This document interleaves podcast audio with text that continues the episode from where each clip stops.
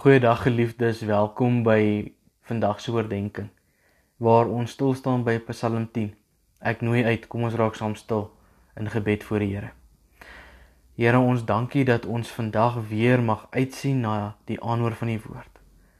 Here, dankie dat ons kan kom stil word in U teenwoordigheid en met afwagting kan uitsien na U woord wat ons gaan leer en kom lei in ons lewe. Here kom seën ons deur die werk van die Heilige Gees dat ons ook deur hierdie Psalm opgebou en versterk kan word. Ons bid en vra dit in afhanklikheid in U naam alleen. Amen. Geliefdes, ons het gisteraand stil gestaan by Psalm 9 en vandag is ons by Psalm 10.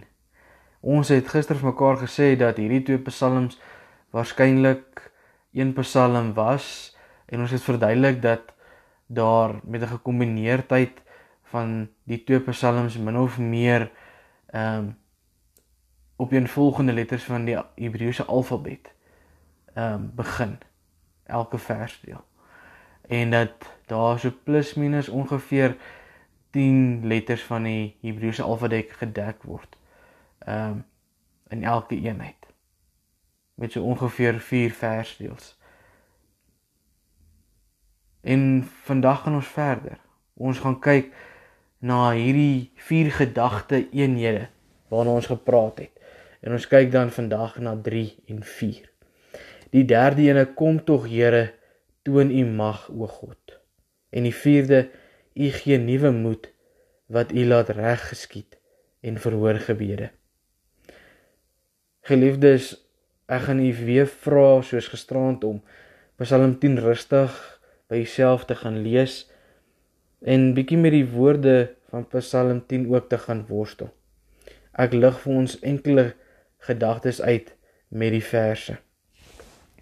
As ons kyk na die derde eenheid, kom tog Here, toon U mag o God. Dan kom hoor ons in vers 1 tot 3b.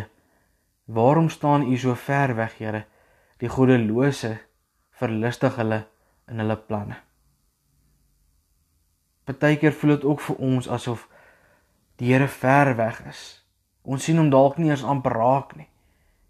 Terwyl ons deur die goddelose en hulle planne bedreig word. In vers 3c tot 5a Die goddelose verag U Here en dink U sal nie rekenskap eis nie. Geliefdes, dis algemeen dat die goddeloses nog steeds half hierdie gesindheid het om die Here te verag en te sê dat hy gaan nie rekenskap rekenskap eis nie. Hulle erken God glad nie as 'n hoër gesag nie. Asof hy nie bestaan nie. Vers 5b tot 6 kom sê vir ons die goddeloses dink ek sal nie wankel nie. Geliefdes, hulle dink hulle kan 'n lewe op hulle self bou en dat niks of niemand hulle kan raak nie. En daarom hierdie selfvertroue ek sal nie wankel nie. Want hulle erken nie wie God is nie. En hulle erken nie met wat se krag waarmee die gelowiges lewe deur God nie. Vers 7 tot 8b die goddelose bedink onheil en onreg. Die beskrywing goddeloos moet hierdie onheil en onreg eintlik kom bevestig want dit is waarmee hulle besig is.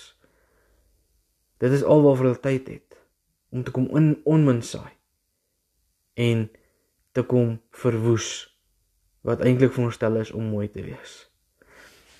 Vers 8c tot 9 Die goddelose loer watter hoop 'n hulpeloos lose hy kan vang. Geliefdes, die goddelose is altyd uit daarop om te kom soek waar hulle kan verwoesting saai. En daarom om hulle half uit te vang om kant te vang. Want hulle is lastig. Hulle is daarop uit om te kom seermaak.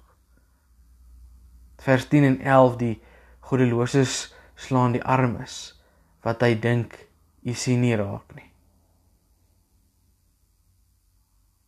die goddeloses is amper half arrogant om die seer te maak oor wie God barmhartigheid wil bewys. Genade wil bewys. 'n Uitkoms wil kom gee. Die goddeloses wil in hulle arrogantheid hulle kom aanvat en hulle lewe kom omkeer. En dan vers 12 en 13 wat sê kom tog Here toon u mag o God 'n verlange na die gelowige 'n hulproep tot God om te sê Here kom. Toon u mag u grootheid u almag u heerlikheid. Sodat hierdie goddeloses wat ons bedreig wat ons lewe wil kom omvergooi u kan raak sien. Kan sien wie u werklik is in ons lewe. Geliefdes, die vierde eenheid, u gee nuwe moed wat u laat reggeskied en verhoor gebede. Vers 14 kom sê vir ons u het die hele tyd alles gesien en maak daar 'n einde van. Ons het net vir mekaar gesê toe ons begin kyk het aan die begin van Psalm 10 dat dit voel of die Here ver is. Maar hierso hoor ons die Here sien alles raak en hy kom maak 'n einde aan dit. Dit moet ons half kom vertroos en ons kom rustigheid gee om te sê al voel dit of die Here ver is, is hy tog teenwoordig en weet net van alles wat aan die gebeur is. Vers 15 tot 16 moet sê vir ons verbreek die magsgreep van die goddeloses en die misdadiger. Dis 'n verlange na bevryding dat ons in vryheid in ons verhouding met God kan staan en dit kan uitleef. Dat ons nie bedreig word deur die goddelose nie. En dan die laaste twee verse 17 tot 18, u gee nuwe moed, want u verhoor gebed en laat reg geskied. Geliefdes, dit moet ons kom opbou in die geloof en ons laat uitsien na 'n ander uitkoms. Nuwe moed. Want u verhoor gebed en u laat reg geskied drie belangrike dinge waarop ons moet agslaan. Dit is God wat ons die moed gee om te kan aangaan. Dit is hy wat ons gebed verhoor as ons daarin volhard. En dit is hy wat op die regte tyd en binne sy wil reg sal laat geskied. Geliefdes, as ons dan Psalm 9 en 10 kom saamvat en ons praat oor die goddelose, dan wil dit voorkom asof hulle bekend staan as 'n praktiese ateïs en dat dit mense is wat nie noodwendig regtig glo dat daar nie 'n God is nie. Maar hulle nie in die praktyk van die lewe raak sien of wil raak sien wie God is nie.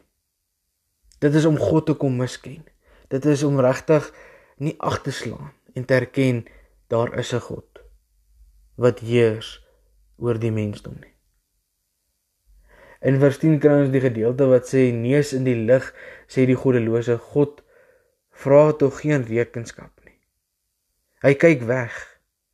Hy sal dit nooit raak sien nie. Dit is hoe die goddelose voel, hoe hulle daarna uitsien. Daarmee kom vat hulle nie die geloof in God noodwendig aan nie, maar die praktiese nut van die geloof in die alledaagse lewe. So hulle kom vat die mensdom aan wat geloof in God het en nie God direk nie. En dit is gevaarlik want ons kan amper sê raak aan die kind van God en jy raak aan God self want ons lewe is in God opgesluit. Geliefdes, daarmee word die konsep van moraliteit en geregtigheid ook weggegooi. Dit raak amper die idee van die oorwinning van die sterkste wat kan staande bly. Swakkes en hulpeloses is daar om uitgebuit te word, om verkleineer te word, om afgebreek te word. Dit bring die geloof van die psalmes onder erge druk. Dit is waarvan ons hoor 'n uitroep na uitkoms as gevolg van hierdie erge druk omdat hy ly onder hierdie aanslag van die goddeloses. Nie net in terme van sy geloof in God nie, maar in sy geloof dat God sal optree in die nood. En 'n toevlug is vir die wat in hierdie nood vasgevang is. Dit gaan verder as net die geloof. Dit gaan oor God se ingryp en optrede in hierdie omstandighede.